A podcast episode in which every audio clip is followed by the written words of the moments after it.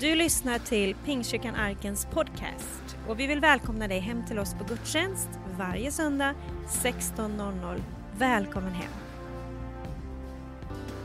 Jag är så tacksam och glad att vara tillbaka i arken. All min kärlek till er, kära vänner alltså.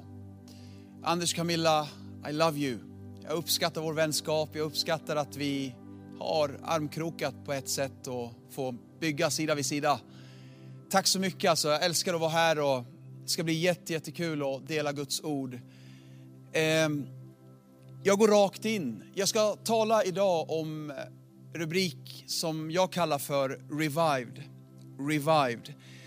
Ehm, I första Mosebok kapitel 45 står det i vers 27 så här. Men när det talade om för honom allt vad Josef hade sagt till dem och när han såg vagnarna som Josef hade skickat för att hämta honom, då fick deras far Jakob nytt liv. I den engelska bibeln så står det så här, The spirit of Jacob, their father was revived. Eh, mig veteligen och när jag har tittat lite, jag har alltid tänkt, undra om ordet väckelse finns i bibeln. Well, här gör faktiskt det. Ordet väckelse finns här. Ordet väckelse är revived. Revived. Det är enda gången jag har sett det, det beror ju självklart på översättningen, men här står det att Jacob, their father was revived. Det är därifrån vi hämtar ordet väckelse. Väckelse är alltså nytt liv. Det är när vi får nytt liv. Lite nu och då, mina vänner, så behöver vi väckelse. Vi behöver väckelse lite nu och då, som kristna, som, som troende i kyrkan. Eh, kontinuerligt tror jag att du och jag behöver möten med Gud. Lite väckelse, lite revival i oss alltså. Jag tror att glöden för Gud, passionen för Jesus, entusiasmen för Jesus, den behöver liksom nu och då få liv igen. Håll med mig om det, eller hur? Jag behöver det och du behöver det. Jesus sa i Johannes 3, den som inte är född på nytt kan inte se Guds rike. Vers 5, den som inte blir född av vatten och ande kan inte komma in i Guds rike. Det här det är ju egentligen en av doktrinerna vi tror på i, i kristendomen, i, i vår kyrka. Vi tror att du behöver födas på nytt för att kunna komma in i Guds rike. Det är ingen exklusivitet i det, utan Jesus har också sagt att alla som törstar, alla som vill, så det här är för alla. Men Gud tvingar ingen. Utan, men vill du bli född på nytt, så kan du bli född på nytt. Du behöver bli född på nytt för att se. För att komma till himlen behöver du bli född på nytt, alltså bli frälst, kristen, fatta ett eget beslut att Gud, jag vill ha dig i mitt liv. Sen vill Gud också att du ska komma in i allt han har för dig. Eh, vad menar jag med det? Ja, men kallelse, eh, det Gud har för dig. Det står att om du döps då i vatten och ande, då ska du inte bara se det, då ska du komma in i det. Gud vill att du ska komma in i det. Så när du tar emot Jesus som Herre i ditt liv, så behöver det bekräftas genom dop i vatten och ande. Varför vi döper i vatten, bara lite kul info för dig. När vi doppas i vatten, vatten är synonymt för ordet. Ordet, ord i Bibeln är synonymt för vatten. När vi doppas i en pool av vatten så är det synonymt för att vi doppas i ordet, vi doppas i Kristus. Vi blir ett med Kristus och vi uppstår med samma uppståndelse som han. Så det är viktigt att låta sig döpas. Jesus föreslog inte dopet, han befallde faktiskt dopet. Och vill du följa Jesus så ta det steget. Låt dig döpas, men också ta emot dopet i den heliga ande. Det är viktiga grejer. Och jag tänker också så här, okej okay, vi behöver födas på nytt för att komma in i himlen. Men hör, jag tror också att vissa områden i våra liv behöver födas på nytt lite nu och då. Det räcker inte med en frälsningsupplevelse. Det räcker för att få namnet skrivet i Livets bok, men ska du vandra med Jesus, du behöver lite nu och då få lite pånyttfödelse i din iver för Gud. Och, du, vet, du kan ha upplevt Jesus på en konferens för tre år sedan. Men om du ska komma in i allt Gud har för dig så handlar det om att vara hungrig i livet, om, om att vara ivrig, att vilja det, att jaga efter det. Tro behöver bli återupplivad. När du har gått med Gud ett par år, din tro behöver bli återupplivad. Hopp behöver bli återupplivad. Visioner behöver få lite revival ibland. Bönelivet behöver få lite revival. Håll med mig om att det är en kamp att vara uthållig i bön. Bara, bara entusiasmen i lovsången behöver bli återupplivad. By the way, ordet entusiasm finns i ordet för Gud på grekiska. Ordet för Gud på grekiska är theos. Ordet enthusiasm hämtas från ordet theos. Så Gud har lagt i sitt eget namn enthusiasm för att beskriva vem han är. Vi ser i Jesu liv att han var gladare än sina medbröder. Han var entusiastisk. Jesus var inte slapp kring kyrkan, han var ivrig över kyrkan. Han var inte liksom backslick, liksom gick med sandaler och ropade peace, everybody peace, utan han var ivrig över Guds hus. Iver för huset hade ätit upp honom. Han var entusiastisk, han var, han var full av iver. Du vet, ska du beskriva Guds folk så ska vi vara som våran pappa, ivriga. Entusiastiska över det, för att Theos, vår Gud, är entusiastisk. Amen. Gud önskar att vi som barn till honom ska hållas fräscha och faktiskt förnyade i vår relation till honom.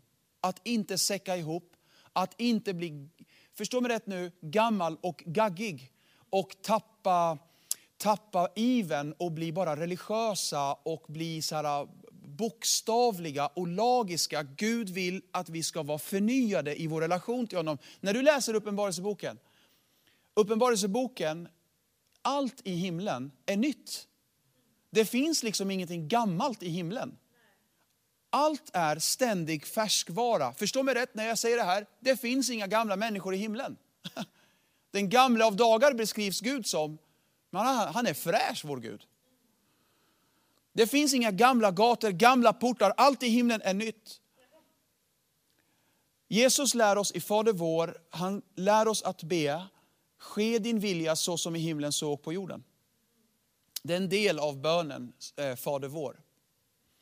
Det säger mig, om nu Jesus ber oss be så här, då betyder det att han vill att himlen ska komma ner över jorden. Egentligen är det en eskatologisk bön. Vi ber att han ska komma tillbaka. Vi ber egentligen Maranatha, Herre kom och bara regera. Visa, visa vart skåpet ska stå Jesus. Visa ordningen i himlen. Låt himlen komma ner på jorden. På ett sätt så kan vi säga att Gud vill att kyrkan ska vara himlen på jorden. Oj, vilka förväntningar Gud har på oss alltså. Men det, det, säger mig att Gud vill att kyrkan ska spegla vad himlen kommer vara. Wow! Romarbrevet 7, 6 står det så här, vi står, så står vi i andens nya tjänst och inte i bokstavens gamla tjänst. I engelskan står det, we will serve him in newness of spirit and not the oldness of the letter. Med andra ord, om inte man får de här mötena med Gud lite nu och då, man börjar känna Gud i rutin alltså. Religionens gamla tjänst istället för en förnyad, en fräsch, levande relation med Jesus. Utmaningen för dig och mig, det är att inte låta någon ta din nit för Gud, din iver för Gud. Att inte låta något faktiskt paralysera din kärlek till Jesus, din passion till missionsbefallningen. Lite nu och då behöver vi skakas om och komma ihåg att faktiskt Jesus kommer snart och missionsbefallningen är viktiga grejer. Annars är risken att kyrkan blir rutin, något vi gör. Sen är Gud bortblåst under veckan. Inget som påverkar min vecka. Men Gud vill att vi ska leva med Gud varje dag. Johannes eh, 15, 4 eh, säger Jesus, eh, abide in me, eh, förbli i mig. Förbli i mig eh, handlar om att dröja kvar i honom. Jag, jag, jag har känt så här, vilket, vilken pandemi det här har varit, vilken tid att reflektera, vilken egentligen nyttigt på ett sätt att reflektera över sitt liv. Många har fått så existentiell kris faktiskt också. Så här, att, och det är bra, man tänker efter, vad är livet för något egentligen? Men jag vill också säga till oss som tror på Gud och så här i kyrkan, om du kallar dig kristen, det är bra att reflektera ibland. Vad har jag byggt mitt liv på? Jesus sa förbli i mig, inte i pastorn. Eller i, i, i, i Youtube-predikningar. Förbli i mig handlar om att jag själv tar ett beslut att förbli i Kristus. vad jag, jag, jag läser min bibel, jag, jag umgås med Jesus, jag håller min relation levande med honom. Det är ingen annans ansvar, det är mitt ansvar. Eh, Jesus sa till en kyrka i sista boken i Bibeln, detta har jag emot dig. Du har gått ifrån din första kärlek. Den första kärleken och så säger han, du har gått ifrån den, men vad ska jag göra för att få tillbaka den? Då säger han, gå tillbaka till dina första gärningar. Jag bara tänker på mina första gärningar som nyfrälst. Alltså jag gick långa promenader med Jesus, jag var med Jesus, jag spenderade tid med Jesus. Jag bara, gå, gå, gör det du gjorde då. Du jagade allt liksom. Du, du gick på varenda konferens. Och du var hungrig, du läste Bibeln. Första Thessalonikerbrevet 4, när Jesus kommer tillbaka i, i det otroligt intressanta ämnet, i, i, i, i nästa stora historiska event i vår värld. Det nästa stora som kommer ske är förmodligen uppryckelsen. Det, tänk, det, tänk det historiska eventet när Gud hämtar sitt folk. Alltså. Eh, på grekiska är ordet rapazo, det är det ordet vi får rapture ifrån. Ehm, jag läser vers 16. Ty när en befallning ljuder, ärkeängens röst och en Guds basun, då ska Herren själv stiga ner, alltså från himlen. Och vers 17, därefter ska vi som lever och är kvar ryckas upp, Rapazzo är ordet, ryckas upp bland molnen tillsammans med dem för att möta Herren i rymden. Engelskan säger så här, those who are alive and remain alive. Lyssna till kvalifikationerna. Du ska leva och du ska fortsätta leva. Du ska förbli levande. En del levde när de blev frälsta. Lovsången levde då, kärleken till Gud levde då, kärleken till liksom Guds rike levde då. Det räcker inte leva och förbli levande. Och det är inte någon annans ansvar än mitt eget. Första Korintierbrevet 10. Därför ska den som menar sig stå, eller låt mig omtolka, omformulera. Den som menar sig följa Gud. Därför ska den som menar sig stå se till att han inte faller. Därför ska den som menar sig gå med Gud se till att han är kvar i Gud och är stark i Gud. Titus 3, 5. Han frälste oss inte för våra rättfärdiga gärningar som vi har gjort, utan på grund av sin barmhärtighet genom ett bad till ny födelse och hör, till förnyelse, förnyelse i den heliga Ande. Det räcker inte bara att bli kristen. Ja, det räcker för att komma till himlen, ja. Det räcker inte bara med att upplevt Gud en gång på en konferens och blivit andedöpt. Du behöver bli uppfräschad, förnyad i Jesus. Förnyad i den helige Ande. Bara möta Gud lite nu och då. Vet, hur länge sedan var det Gud fyllde dig? Hur länge sedan var det du kände hans närvaro? My God, vad jag kan sakna det ibland. Hur länge sedan, det här då, hur länge sedan var det du uppriktigt kände nöd för de som går förlorade?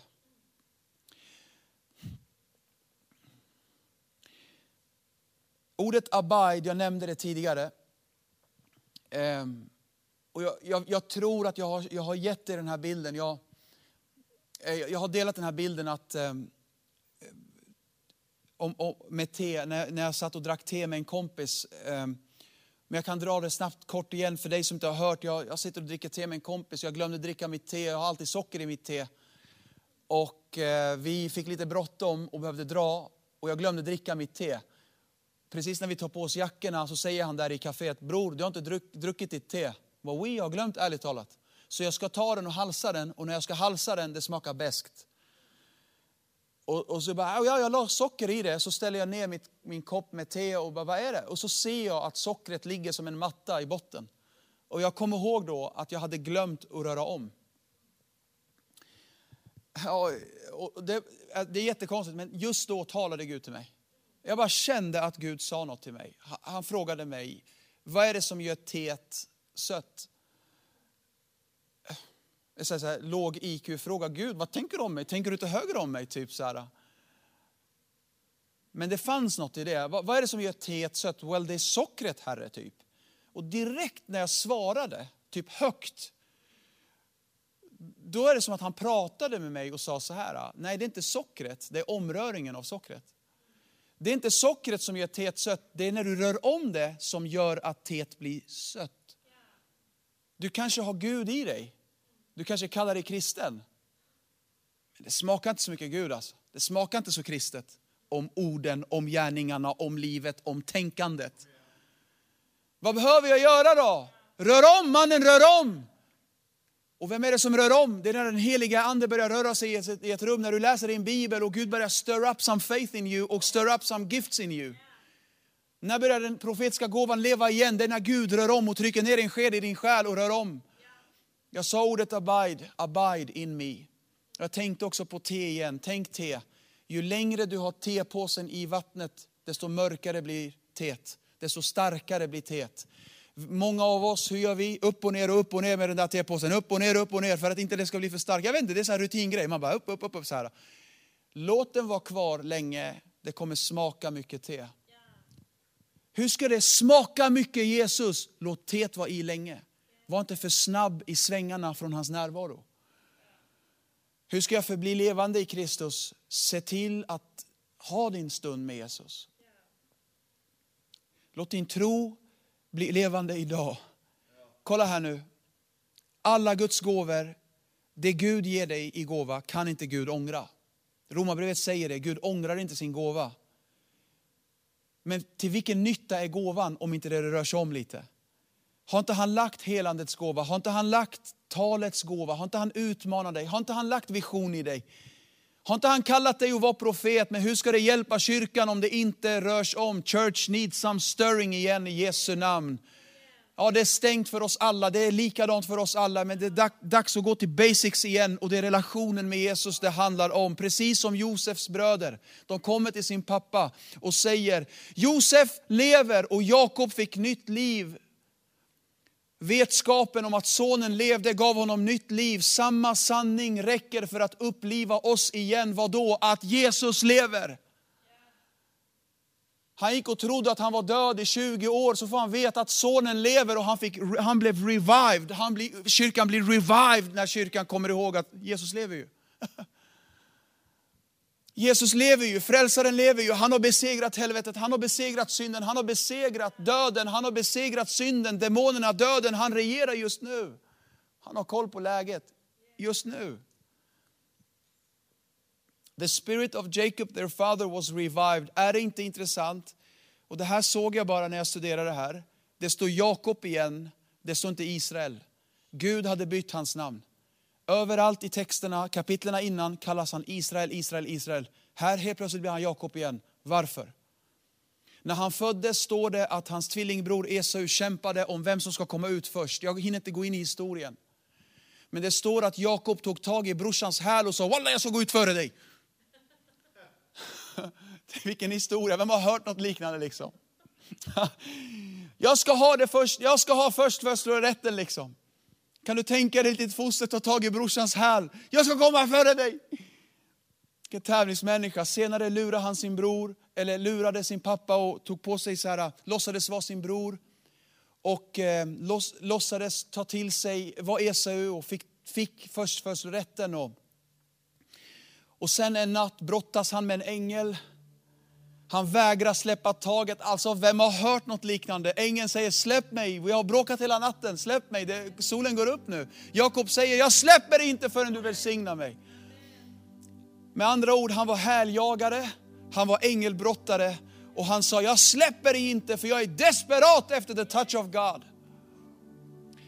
Och det var då Gud slog honom i sidan och sa, du är Israel för du har kämpat med Gud och vunnit seger. Och i första Mosebok 45 står det att Jakob fick nytt liv. Överallt kallas han för Israel, för han fick ju ett nytt namn av ängeln. Men han var Jakob igen och jag upplevde som att den helige Ande visade mig här. Varför kallas han Jakob igen? Jo, jag tror att det var nu han gick tillbaka till hur han startade. Hela tiden var han Israel och under tiden han var Israel var han deprimerad. I 20 år var han deprimerad, i sorg, i lögnen att hans son var död, men nu fick Jakob nytt liv. Alltså han blev den där nyfrälsta killen igen, han blev häljagaren igen, han blev ängelbrottaren igen. Han blev den där hungriga killen igen. Det är därför Romarbrevet 9 säger att Esau hatade jag, men Jakob älskade jag. Det är inte att Gud hatar människor, utan det är det att Gud ogillar vissa attityder och han älskar vissa attityder. Han ogillar attityden och Esau säljer sin förstfödslorätt för ett mål mat i köttet. Och vi skrattar åt hur kan han sälja allt för en skål med soppa? Ja, och kristna gör det hela tiden. De säljer sin kallelse för ett mål mat i synden. Ett mål mat i begären, i lustan. Och de säljer allt för det där. Men Jakob älskade jag. Vad är det han älskar? Jag älskar den här hungrigheten. Jag älskar när du är hungrig. Jag älskar den här takrivarmentaliteten. Jag älskar den här som dyker från klippan efter mig. Jag älskar den här som ropar högre när alla säger att han ska vara tyst. Jag älskar den här ängelbrottarattityden. Jag älskar den här hungrig, hungriga attityden. Matteus 11, 12 1917 års översättning, den Jesus själv läste. Himmelriket tillhör de som rycker den till sig. Alltså himmelriket tillhör häljägare, ängelbrottare. Himmelriket tillhör de som är hungriga. Är du hungrig ska du bli mättad, sa Jesus. Jag, jag, jag stänger med att säga det här. I Bibeln, vilka fick sina mirakler i Bibeln? takrivare, trädklättrare, de dök från klippan, de brottades med änglar. När alla sa till dem att vara tysta så ropade de ännu högre. Bartolomeus, kommer du ihåg? Han sa Jesus hjälp mig. Alla sa Tustula, påven är här. Visa respekt mannen. Det passar sig inte, för i våran kyrka vi lyfter inte händer. Rätta dig i ledet. Men då står det, jag älskar det, att han ropade ännu högre och Jesus gick till honom och han fick sin syn tillbaka. Älskade vän, kan jag bara få väcka något i dig med den här enkla, enkla appellen? Backa inte. Riv upp tak om det så behövs. Släpp inte ängen förrän du välsignar mig. Trättra, klättra på trädet. Visa lite hunger. Jakob fick nytt liv. Vad är det som ger nytt liv? Låt mig backa två verser. What's vad, vad gör revival i kyrkan? Vers 25, första Mosebok 45. De drog upp från Egypten, kom till sin pappa Jakob i Kanans land. De berättade för honom, Josef lever och han är härskare över hela Egypten. Han blev helt lamslagen. Han kunde inte tro. Men när de talade om för honom allt vad Josef har sagt till dem och när han såg vagnarna som Josef hade skickat för att hämta honom då, då fick Jakob nytt liv. Då sa Israel, det räcker, min son lever. Jag ska ge mig av så jag får se honom innan jag dör. Josef lever. Josef är en bild på Jesus. Jesus lever. Vetskapen att Jesus lever, att Jesus uppstod, att Gud är för dig, inte emot dig. Vetskapen att det finns hopp, det finns evigt liv. Vetskapen och uppenbarelsen över vad Jesus har gjort gör att vi faller som döda framför hans fötter och vi står upp till nytt liv. Vet du om att Jesus lever? Vet du om att Jesus älskar dig? Du har lyssnat på söndagens predikan från Pingstkyrkan Arken i Värnamo. Vill du komma i kontakt med oss eh, hittar du oss på arkenvemo.se. Välkommen hem till oss!